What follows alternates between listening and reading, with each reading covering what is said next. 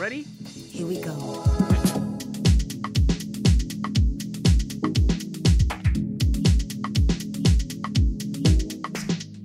Hej! Välkommen med till Hantera dina fyrk.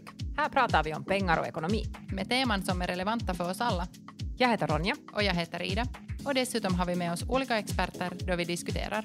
Välkomna med.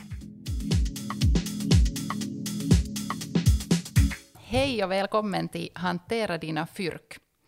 Här har vi Martin med igen. Hej, Hej. Martin. Välkommen med Martin igen. Du är en sån här återkommande gäst här i Hantera dina fyrk.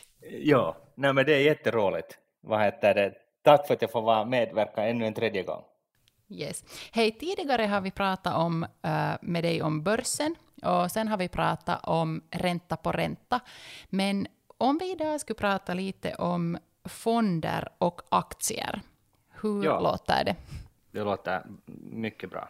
Jag tycker själv sådär att eh, det har kommit upp i de tidigare avsnitten där vi har slängt in de här begreppen och du har tidigare också öppnat upp, men vi tänker sådär att, att om du bara vill lyssna på ett avsnitt så får du all info även härifrån. Så, så vill du förklara en, så, en sån här lätt förklaring, en skillnaden mellan en aktie och en fond? Har du någon sån här lätt simpel förklaring på det?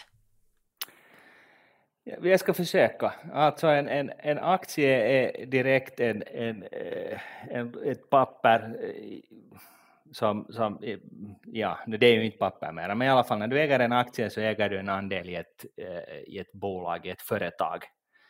Och, och det betyder att du har, beroende på hur många aktier du äger, så har du rösträtt i bolaget, så att du kan på bolagsstämman en gång i året så kan du vara och bestämma om saker.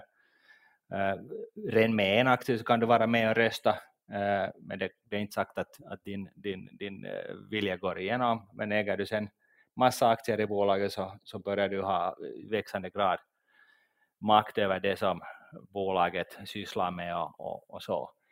Och, och det där, aktien ger ju avkastning i form av, om det är börslistad aktie så ger den i avkastning i form av att kurserna möjligen går upp och eller i form av dividender, det vill säga bolaget betalar ut sådana vinstmedel som, som eh, sådana pengar som inte bolaget vet vad den annars ska göra med. Och, och då betalar man då ut eh, en aktiespecifik dividend. Betalar alla bolag ut dividen- dividender? Nej, en del betalar och andra inte. Det beror liksom, sådär, eh, om vi ska dra liksom, eh, svaret eh, liksom, eh, snabbt så, så, så beror det på om bolaget hittar användning för de pengarna. Så att säga. Det, det vill säga, eh, det, det är liksom helt, helt okej för bolaget att inte betala dividend om den får in vinster, eh, om den kan investera, återinvestera de där pengarna på ett extremt lönsamt sätt. Men, men ifall eh, bolaget inte har behov av att investera i någonting eller den inte kan investera i någonting som ger en, en bra avkastning så då ska den hellre betala ut eh, de vinstmedlen i form av dividender till aktieägarna. Och det som kanske ännu förtydligar aktieägarens roll i ett bolag är också det att, att det finns ju andra, andra former av, av, av vad heter det, finansiering i bolaget som till exempel då, uh, bolagsobligationer, det, det vill säga skuldebrev där man då vad heter det, skriver ut det så här att jag, vi, det här bolaget är skyldig de här investerarna si så här mycket och det ska återbetalas då och då och den här räntan på det här lånet är någonting sånt här eller ett banklån eller någonting annat.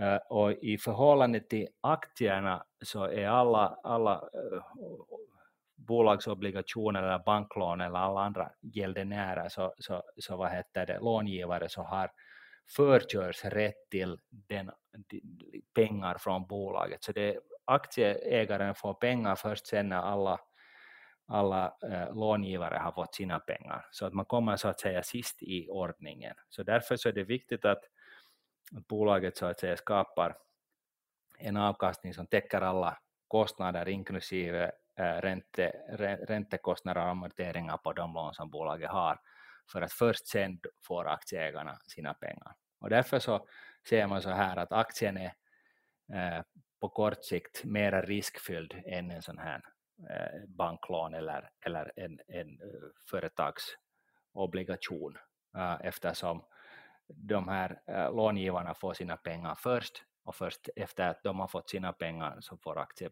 aktieägarna några pengar ifall det blir något över.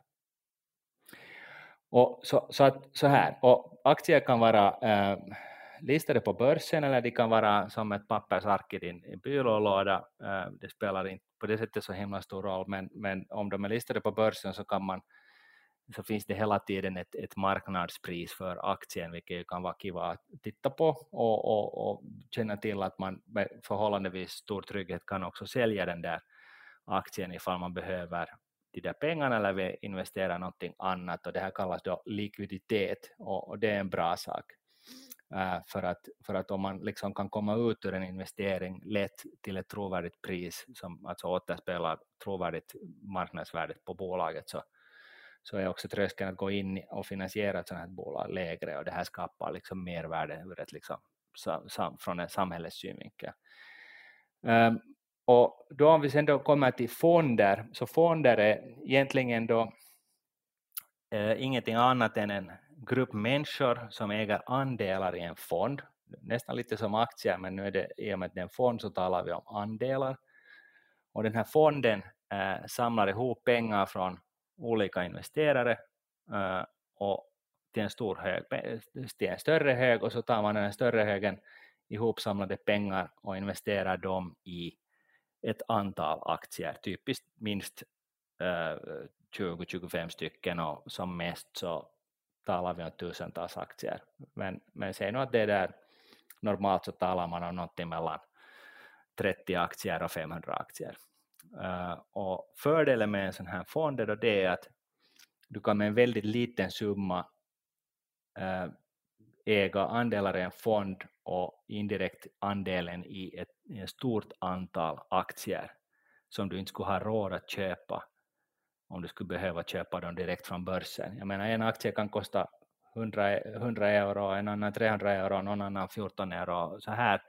Och då är det ju förstås om du ska ha, vill investera i 100 aktier så blir det ganska dyrt att köpa en aktie av varje och en del aktier måste köpa mera av än andra för att få liksom rätt jämvikt på det där. Eh, och då kan du istället för att göra det här så kan du köpa en andel i en fond där du tillsammans med andras pengar köper då en hel aktieportfölj åt dig. Då äger du en liten, liten, om du har en liten summa så äger du en liten, liten del av alla aktier. Så det är väldigt behändigt.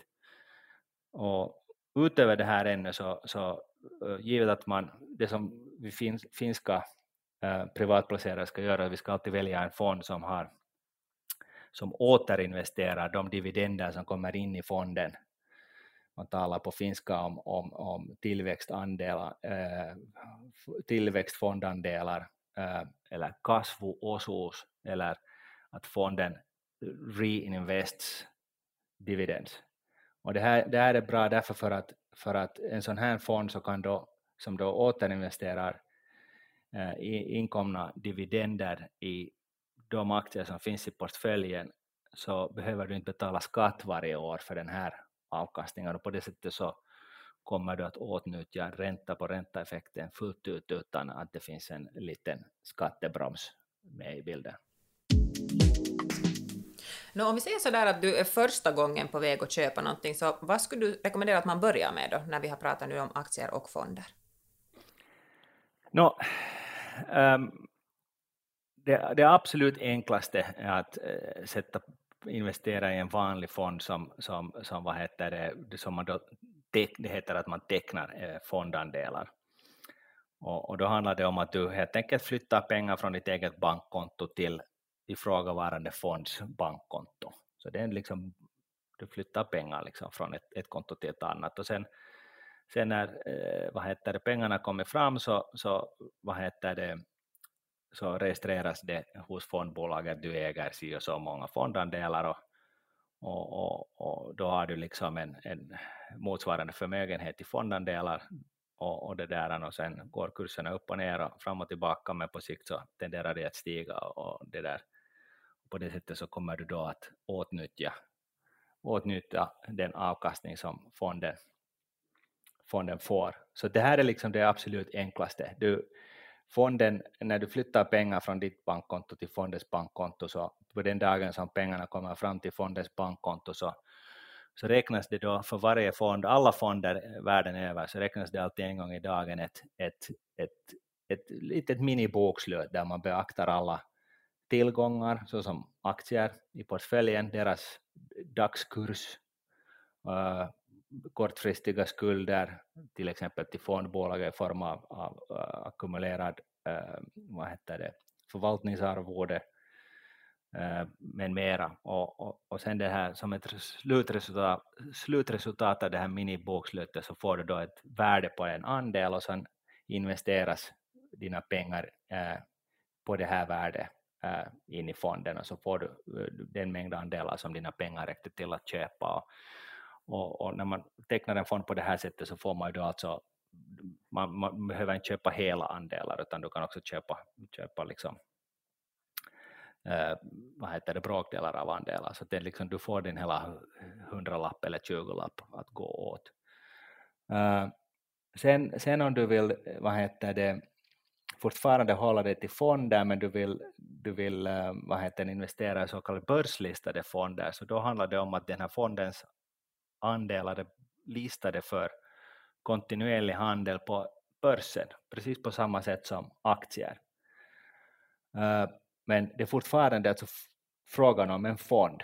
Eh, det, det, allt, allt det som gäller för sådana här fonder som man tecknar genom att flytta pengar från ett konto till ett annat så, så gäller också för de fonderna som är, har sina andelar börslistade på, på, på börsen. Men då måste du liksom ha ett, ett, ett avtal med någon, någon mäklare, mäklarhus via någon bank eller, eller, eller någon internetmäklare där du då liksom äh, kan med hjälp av vilken du kan då investera de pengar som du har på ditt konto hos den här mäklaren i aktier eller så kallade börslistade eh, fondandelar som kallas ETF. ETF, Exchange Traded Funds. Och, och, nu måste man då vara lite vaken på det sättet att när man då köper så här från börsen så, så, så är det hemskt viktigt att, att äh, se till att man inte betalar för mycket eller för lite och då, då kan man bara sätta väl en sån här hälsning att man måste, man måste faktiskt ta reda på vad det indikativa NAV-värdet för äh, den här fonden är. Indikativ NAV, äh, eh, INAV och den, den, den, kan man bara googla sig fram. Men eh, äh, ett, det är eh, liksom betydligt enklare sättet att skaffa sig börslistade ETFer äh, ehm, som dock bara går att göra via Nordnet så är att, att man, man eh, ingår ett sånt här månadssparsavtal med Nordnet där då Nordnet investerar de pengar som kommer in på det här månadssparskontot så investerar i de uh, ETF-fonder som du har vill, vill att de ska investeras i. Och, och det där, då sköter Nord, liksom, i det här fallet då Nordnet hela den här biten, det här skaffandet av de här andelarna för alla kunders del. Så att alla kunder som vill köpa av, av vissa fonder så köper de som, sen på en gång som en klumpsumma. Då, då behöver du inte själv befatta dig med det här. Och, och, det här är väl det, liksom, det, det smidigaste spåret sen då um, för en var av oss att, att när du har liksom, uh, någon inkomst där så ser du till att en, liten summa av de inkomsterna går förflyttas till det här månadssparskonto hos någon och sen sköter den här frågavarande mäklarfirman då uh, ser till att de här pengarna investeras vidare i sådana fonder som, som du vill att de där pengarna går till. och i, i, till exempel i Nordnets fall så, så kan det ju då vara, handla om ETF eller helt vanliga fonder också men då, då är det liksom allt på ett ställe, det sköts automatiskt och du behöver inte alls bry dig om den saken. Och, och ju mindre du behöver bry dig och befatta dig med det där, så desto lättare är det att, att spara på lång sikt. Så att det, det är därför så här månadssparsavtal är ganska bra, de ska inte kosta någonting. Uh, nu är det tyvärr så att, att i, i, för Nordnets del så kostar det 2,5 euro att köpa eh, börslistade fondandelar, ETFer, och det är ganska mycket. Så att om inte man har investerat större summor så att, så att det där, därför så förfinska eh, privatplacerares del som månadssparar mindre summor så, så är det de facto just så att, att det lönar sig då att, att äh, spara i sådana eh, icke-börslistade äh, fonder givet att de inte har ett teckningsarvode äh, och, och det där och för att liksom se till att största delen av dina egna pengar faktiskt når uh, fondens andelar och, och, blir på det sättet investerade. Vad kan en täckningsandel, liksom att vad, kan, vad talar vi om för summa, liksom euron, om du, om du köper fast en aktie eller en, en, en andel i en fond? Eller? Ja, alltså det vi talar om täcknings och inlösenavgifter och, och det där eh, för fonders del då.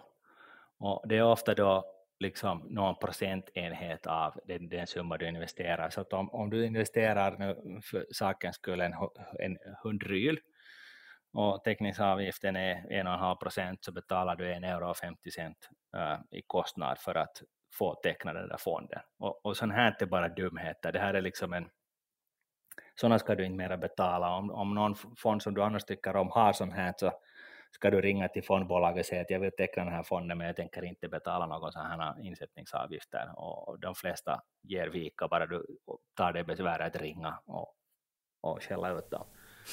Eh, Bra att veta.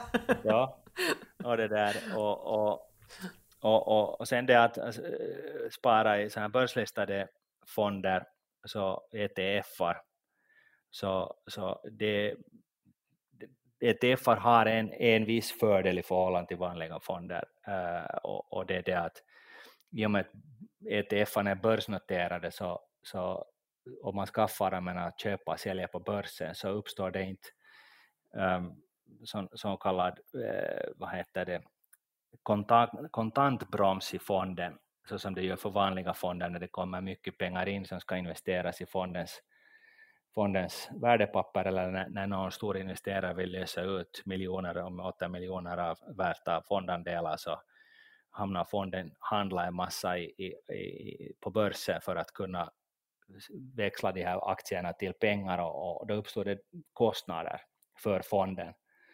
Uh, det här är liksom nu, nu talar vi om sådana här millimetersaker, men, men som vi ju vet så kostnaderna har en stor betydelse för din avkastning och alla kostnader som uppstår så är bort från din avkastning. Och på det sättet så, så kan man välja mellan ETF och en vanlig, vanlig fond så ska man då, och om man är långsiktigt placerad så ska man ta den där ETF, men, men du måste akta dig för de kostnader som då lätt uppstår. Och för Nordnets del så är det alltså då 2,5 euro i, i, i samband med det här månadssparskontraktet, vilket sen å andra sidan är mycket lägre än om du skulle gå och köpa den där fonden direkt från börsen eh, om du har stora summor, större summor. Säg att du, du vad heter det, ärver lite pengar någonstans ifrån något sånt här, så då lönar det sig att använda det här månadssparskontraktet som ett sätt att få de där pengarna investerade för att det, det, det är en så att säga behandlingskostnad, käsittelymaksu på 2,5 euro och det, det, det understiger den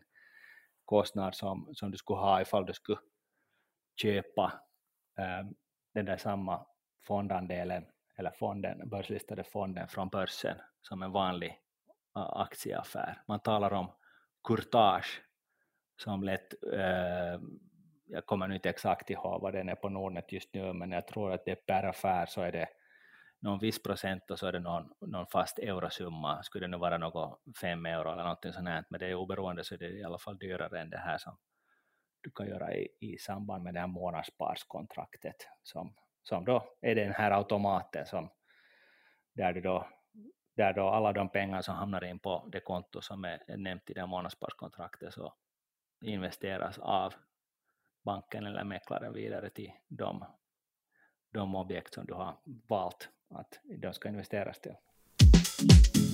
Finns det några så här listor då på exempelvis fonder och aktier? Hur hittar man liksom vad man vill köpa då?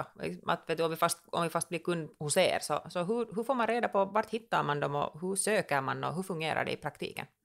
Det där är ju sen en sån här uppsjö, att, att det finns ju, tror jag, i dagsläget tre, fyra gånger mera eh, fond, fonder i världen än det finns aktier vilket låter lite tokigt. Uh, och, och, det där, det är liksom, det, det, det, det är en fullständig djungel att hitta rätt. Uh, I samband med de här månadssparskontrakterna så finns det då, uh, man kan ingalunda investera i vilka fonder som helst inom regin för det här månadssparet utan det finns då en, en lista på är det nu 30 stycken aktier som du kan, äh, 30 stycken fonder som du kan investera i samband med månadsspar, så det hjälper ju lite. De, men där finns också en del dyra fonder som du ska försöka undvika. Så att, men, men, men, äh, så att kolla den listan och, och, och det där och, och välj av två likadana fonder så välj den som är billigare. Det, det ska du alltid göra. Och, och sen har jag då liksom själv också skrivit en blogg som heter Maailman parhaat ETF-rahastot? Frågetecken. Och, och det där, där finns det också en lista på, på, på sådana fonder som aktieindexfonder som är då liksom som är kostnadseffektiva, som återinvesterar dividenderna och för vissa del som de, dessutom också råkar höra till det här månadsspars, eh, vad heter det, sfären på Nordnet. Hur är det då om jag vill köpa, jag är fast kund i någon bank nu då, så skulle jag liksom också vilja vara kund hos er, så kan jag köpa liksom via Nordnet då min banksfonder också? Ja, det, det, nej förlåt, nej det går ju inte. Eh, du kan köpa alla, alla fondandelar, fonder som är börslistade på börsen, eh, men, men jag tror det faktiskt det är en sån här knoppdetalj i den här saken, så du kan inte, du kan inte till exempel köpa Nordeas Eh, fonder eh, via Nordnet. Att, att de vanliga bankerna har vanligtvis ganska dyra fonder, att om du ska välja någon fond så välj någonting, så, någon sån fond hos eh, ett sånt fondbolag som inte sysslar med något annat än, än, än, än just äh, fondverksamhet. För de tenderar att vara det, det, liksom, från den bättre ändan i spektrat och billigare än, än, än, än bankernas egna fonder är det inte liksom lite som så att bankerna producerar ju egna fonder för sina egna kunder och, och det är också ett sätt för banken att, att liksom rulla på sin egen business? Absolut. Eh, det är just så att, att eh, fonder är en, en, en, intressant produkt för den som producerar dem för att det betyder att du får den där eh, fondavgiften varje år, år ut, år in, oberoende vart börskurserna går så får du din, din avgift. Och därför är det en väldigt lukrativ business. Och, och det där, eh, om, om fond, bankerna skulle vara pragmatiska så skulle de erbjuda de bästa och billigaste tredjepartsfonderna, alltså de fonderna som nu råkar, vara, eh, råkar existera i världen åt sina kunder, men, men eftersom eh, vad heter kunderna ofta är ganska oinsatta i det här så, så gör de istället så att de producerar Nordea USA-fonden istället för att erbjuda eh, Spider-ETFen åt, åt sina kunder och, och då är vad heter det, fondavgiftsskillnaden kanske en och, en och en halv procent i året för, för Nordeas fond och 0,06 procent i avgift för den här Spider-ETFen. Så det är en ganska absurd kostnadsskillnad. Det beror ju förstås också på hur den fond det, det handlar om, att är den så att säga aktivt förvaltad eller är det en indexfond. Men eh, det här blir kanske en så lång, lång diskussion sen den biten, men man kan väl säga så här i korta slingor att tre fjärdedelar av alla uh, aktivt förvaltade fonder blir åt marknadsindex efter kostnader. Och därför så tycker jag själv att det onödigt att titta på de aktivt förvaltade fonderna om inte det finns något speciella orsaker för det. Utan det är hellre bättre att, att, att då välja en möjligast kostnadseffektiv fond, för då vet jag redan idag att den kommer att höra till de bästa uh, om 10, 20, 30, 40, 50 år. Och jag vet det redan idag. Uh, om jag investerar i en dyrare fond som, som, som har ett högt arvode på över 1 procent och något sånt här, så kan det hända att jag har turen att jag har råkat välja den fonden som avkastar bäst på 30 år eller någonting sånt här.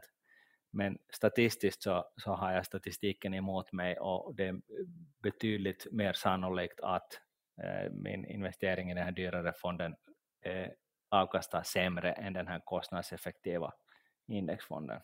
För att liksom summera så, så fonder är alltså ett, ett, ett, ett, ett juridiskt redskap med genom vilket man genom att sätta in pengar i fonden så, så samlar många privatplacerare men också stora tunga eh, institutionella placerare som pensionsbolag med mera ihop pengar i en stor pool som sen för alla fondandel, fondandelsdägares del investeras i de aktier som fonden är, är investerar i och, och, det där, och, och, så delar man så att säga på kostnaderna och når skalfördelar. Och, och det där. Eh, men, men fonden kan då investera i, som sagt, i, i aktier på börsen som du kan själv också investera i, men att genom att gå via en fond så, så når du då de, de här skalfördelarna som det var tal om.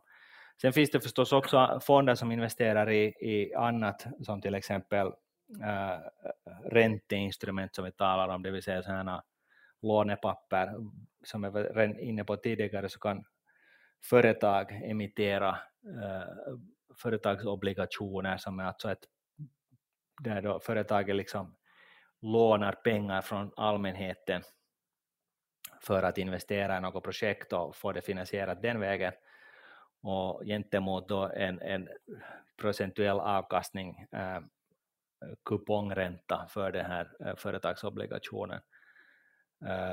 Just nu med, med noll mark, nollränteläge och negativt ränteläge så, så ska man dock inte besvära sig med de här desto mera. Jag menar, det, förutom företag så finns det förstås då statsobligationer och, och, och, och, och så, och det finns liksom alla möjliga som delar ut vad heter det, eller emitterar sådana här lånepapper och, och, det där, och räntan går ofta hand i hand med den högre risken att du inte får pengarna återbetalade så att det där eh, så att, så att en högre räntekupong så betyder inte automatiskt en bättre investering. Eh, men som sagt, i, i det här marknadsläget, ränteläget där räntorna sjunkit till noll och till och med under, så är väl nästa stora ränterörelse uppåt och när det tokiga med de här räntefonderna så det är det att när räntorna går upp så går värdet på, på en räntefond ner och det där och, det är en dålig sak. Så att just nu så ska man helt enkelt bara låta bli, antagligen de följande tio åren så går låta bli de här räntefonderna mer eller mindre rakt av. Uh, och den största boven som framförallt Eh, stenfotsbankerna eh, gärna säljer åt sina kunder så är sådana så kallade blandfonder där, där det låter väldigt bra, de, de investerar i både räntor och aktier för kundernas del i den här fonden. Och de har sedan eh, investeringskommittéer som beslutar om hur, den här, hur mycket pengar, hur stor andel av den här fondens pengar ska investera i räntor och hur mycket i aktier. Och sen har de uh, proffsförvaltare som förvaltar den här räntedelen och den här aktiedelen och, och allt det här låter himla bra och så, så kostar det bara en och en halv procent och, och, och, man får en sån här liksom one-stop shop-lösning.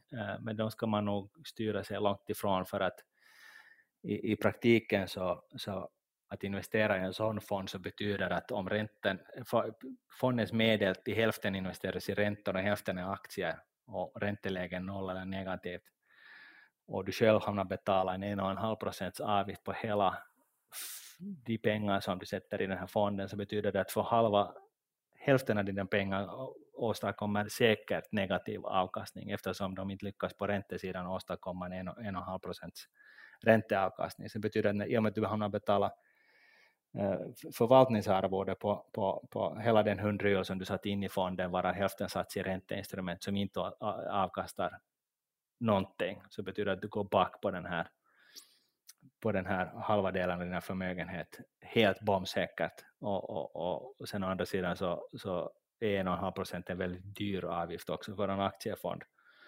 Så att det där, det här, är, det här borde förbjudas med lag. Det här är, det här är bara fullständigt nonsens just nu. Men att det där, det, det vad heter det, så är inte fallet. Så att just nu så lönar det sig i praktiken att bara investera, spara på lång sikt i aktier med, på ett möjligast kostnadseffektivt sätt, vilket i praktiken innebär att hela din aktieportfölj, må det sen vara investerat direkt eller via fonder, så, så uh, det får inte kosta dig mer än 0,3 till 0,5 procent i år. Det är absolut max. Uh, så att det är någonting att också värt att tänka på. Något som säkert också är värt att tänka på, som jag tänker att man heller är bra att man tar upp det, att ingen blir överraskad att om någon nu av våra lyssnare här blir ivrig och, och börjar spara och sen sparar man då i 40 år och så, och så gör du en ganska bra vinst på de pengar du har satt in. Så hur fungerar det sen då? Är alla pengar mina? Nej, det, det är också en bra poäng. Det, du hamnar ju förstås betala skatt på, på, på din investering och den avkastning som, som du får sen när du lyfter ut de där pengarna. Och, och det där um, och, och, det innebär att, att det är liksom i runda slingor 30 procent som du, du hamnar betala skatt på din avkastning. Så att om du har investerat en hundralapp idag, eller hundralapp, eh, säg 20 euro i månaden, 25 euro i månaden i, i 30 års tid och så har du fått en, en, en stor avkastning så, så innebär det ju att, att, att av den där, om du har investerat totalt säg då 10 000 euro under den här tiden och så är din, din portfölj värd 50 000 så innebär det att du hamnar betala skatt på, på uh, 40 000, den här 40 000 euros avkastningen som, som du har lyckats skapa i din, din placeringsverksamhet. Och så är det bara, det kommer man inte ifrån. Det, det vad heter det, så är det överallt. Men att, men att eh, med tanke just på fonder så, så om du då ser till att du väljer såna, att du placerar i sådana fondandelar som där man återinvesterar de dividender som ramlar in i fonden varje år, så undviker du åtminstone att betala skatt varje år på den avkastningen. Eh, eftersom sådana fonder kan återinvestera den här dividenden inom fonden i de aktier som fonden eh, har investerat i och, och då slipper de att, då kommer de åt att äh, växa ränta på ränta oavkortat. Må så vara att du sen i slutet måste betala äh, skatt på den vinst som du har, du har erhållit. Hur är det nu sen då, vad heter det, om du blir intresserad av det här och det här är första, din första kontakt nu då med aktier och, och fonder och, och börsen överlag, så har du några bra tips, böcker, svenska, finska, poddar, svenska, finska, vad ska, förutom nu såklart Rahapodi, såklart, såklart.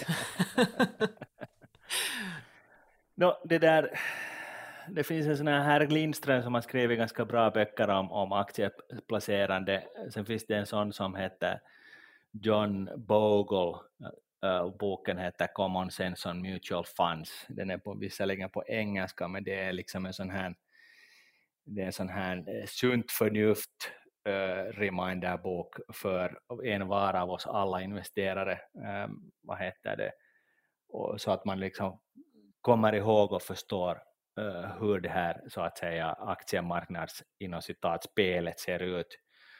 Och varför du därför ska koncentrera dig på att minimera kostnader, att, att investera i aktier och, och vara långsiktig, att varför det, de här tre sakerna är det viktigaste viktigare, överlägset viktigare än någonting annat eh, i envars av våra, vad heter det, i vår resa av att liksom, så att säga få draghjälp att finansiera vår, vår, vårt liv från aktiemarknaden. Att, att det där, de här och, och, och sen finns det då Sparpodden äh, i Sverige, Nordnet Sverige som, som, som jag tycker kanske är inte nu sådär himla vidare för tillfället, den var någon i början var den riktigt bra jag hoppas att ingen där på Nordnet hörde det här nu. Men att, ja, jag, håller helt, jag håller faktiskt med här, jag lyssnar mycket på Sparpodden då, då i början, jag också håller ja, med. ja. Och, och, och, så finns det då i Finland, om man är intresserad av finska bolag, så finns, har Inderes äh, ett, ett, ett bra poddupplägg där man är liksom mera, mera så att säga snackar enskilda bolag. Äh, och äh, och, eh, och se liksom som företag, ett fondbolag med Anders Oldenburg i spetsen, så det är liksom kanske det mest objekt, det, det, det är fondbolag förutom någon Vanguard i USA som, som, eh, och, och Spiltan i Sverige som producerar möjligast objektiv information till sina kunder. Det är deras, de här ord kan man lita på. Men, men eh, i, liksom, utgångspunkten är den att alla de som uh, säljer fonder eller uh, vad heter det, placeringstjänster i branschen så, så, så vad heter det, uh, säljer de utifrån sina egna intressen där då höga kostnader är någonting de försöker smyga in i varje vrå och i varje vända. Och, och därför ska man komma ihåg att vara ytterst kritiskt inställd till allt det som de här föreslår. Och då kan man undra sig, varför, sitter det, varför ska vi lyssna då på Martin överhuvudtaget då, för att jag jobbar ju för Nordnet.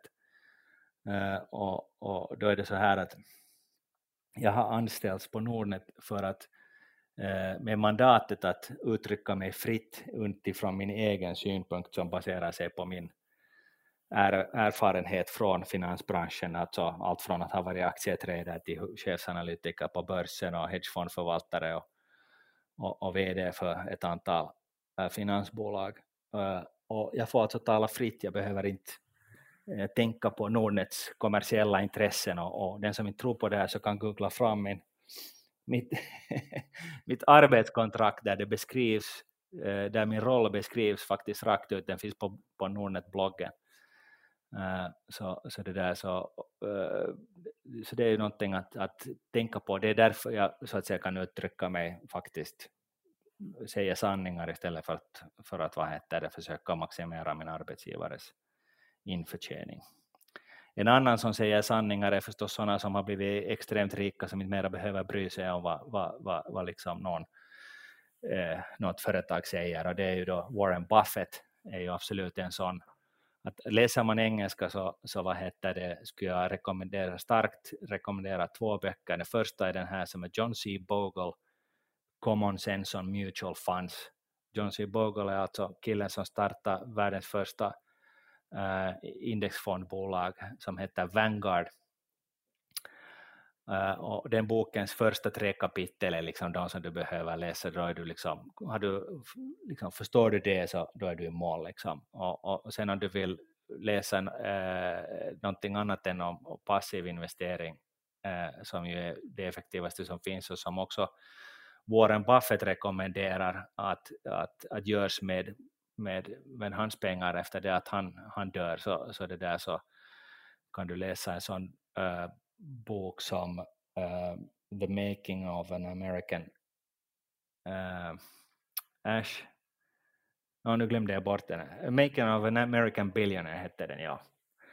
Uh, och, och det, det, är en bok som, som beskriver Buffetts liv uh, och hans, sätt, hans investeringsverksamhet, allt lite om vartannat, så den är inte en torr sån här, sån här vad heter det, Eh, finansbok på det sättet, utan det, det är liksom en biografi som han kanske inte ens själv var riktigt nöjd över äh, att skrivas, för att den, är, den har skrivits liksom som en objektiv bok, så den är väldigt intressant. Och sen här i Finland så, så just en viss herr Lindström producerar uh, Buffett-liknande stories och, och, och, sen en viss Martin Pasi skriver på bloggen en, en del sanningar också på finska språket. Så att vad är adressen till din blogg då? Det är nordnet.fi och sen finns det där, eh, vad heter det, en sån här uh, flik uh, som heter uh, Opia Inspiroid och där finns det då Nordnet bloggi. Och sen om man klickar liksom där på, man ser min nuna någonstans, så, så om man klickar på mitt namn så kommer du, kan du automatiskt filtrera bort allt, allt kommersiellt eh, vad heter det, alla kommersiella bloggar och, och det där kommer åt att se bara mina bloggar som är förstås de bästa i världen. det är helt rätt att man, att man berättar vad man kan läsa mera och, och höra mera och man får självklart säga att det är helt bäst. ja, eller hur? Så är det.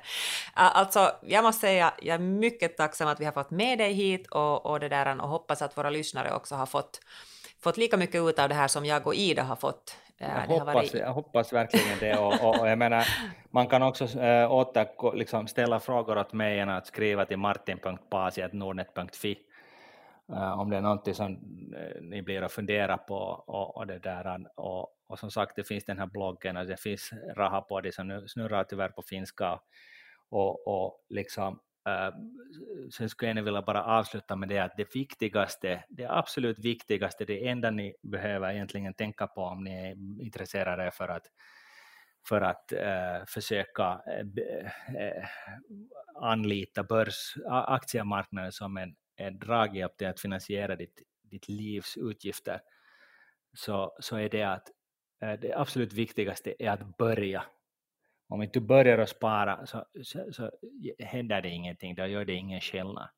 Så att sätt igång, äh, sätt ungefär en tio minuter på det att du blir kund på Nordnet eller hos någon annan. Äh, teckna ett månadssparsavtal för att minimera dina kostnader i ditt sparande. Välj en eller fem äh, kostnadseffektiva Eh, indexfonder som då helst inte ska kosta mer än 0,3, möjligen 0,5 procent i året. Och, och, det där, och har det här färdigt så att alltid när du har lite några överloppspengar så kan du flytta in dem på det här kontot så att den här Nordnet eller någon annan då investerar de här pengarna för dig. Uh, det här är liksom det absolut viktigaste, då kommer du liksom igång. Och, och, och sen det näst viktigaste att komma ihåg är att minimera de här kostnaderna som du har av det här görandet. Kostnaderna äter din avkastning. Det låter lite simpelt att säga, men det är någonting som de flesta, till och med proffsen, glömmer bort. Så minimera dina kostnader. Och sen det tredje som är det enda, det enda liksom riktigt svåra, så det är det att vara långsiktig. Eh, det, aktiemarknaden är inte ett, ett lottospel som, som eh, högst sannolikt inte avkastar dig någonting, utan aktiemarknaden tvärtom en, en plats där du med 100% säkerhet blir betydligt mycket förmögnare genom att, att långtidsspara på ett kostnadseffektivt sätt i aktier. Eh, det kräver bara långsiktighet. Det tar tid och, och, och det, där, det är någonting som en var av oss, precis varendaste en människa från, från busschaufför till mångbiljardör ska göra, eh, är att, är att vara investerad, ha en liten summa av sina, sin förmögenhet investerad i, i aktiemarknaden och låta det vara.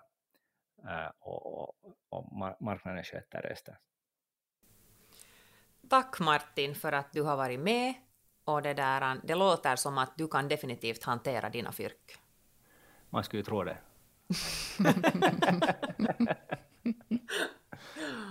Vi tackar för oss och kom ihåg att det finns flera avsnitt ni kan lyssna på. Hej då! Hej då!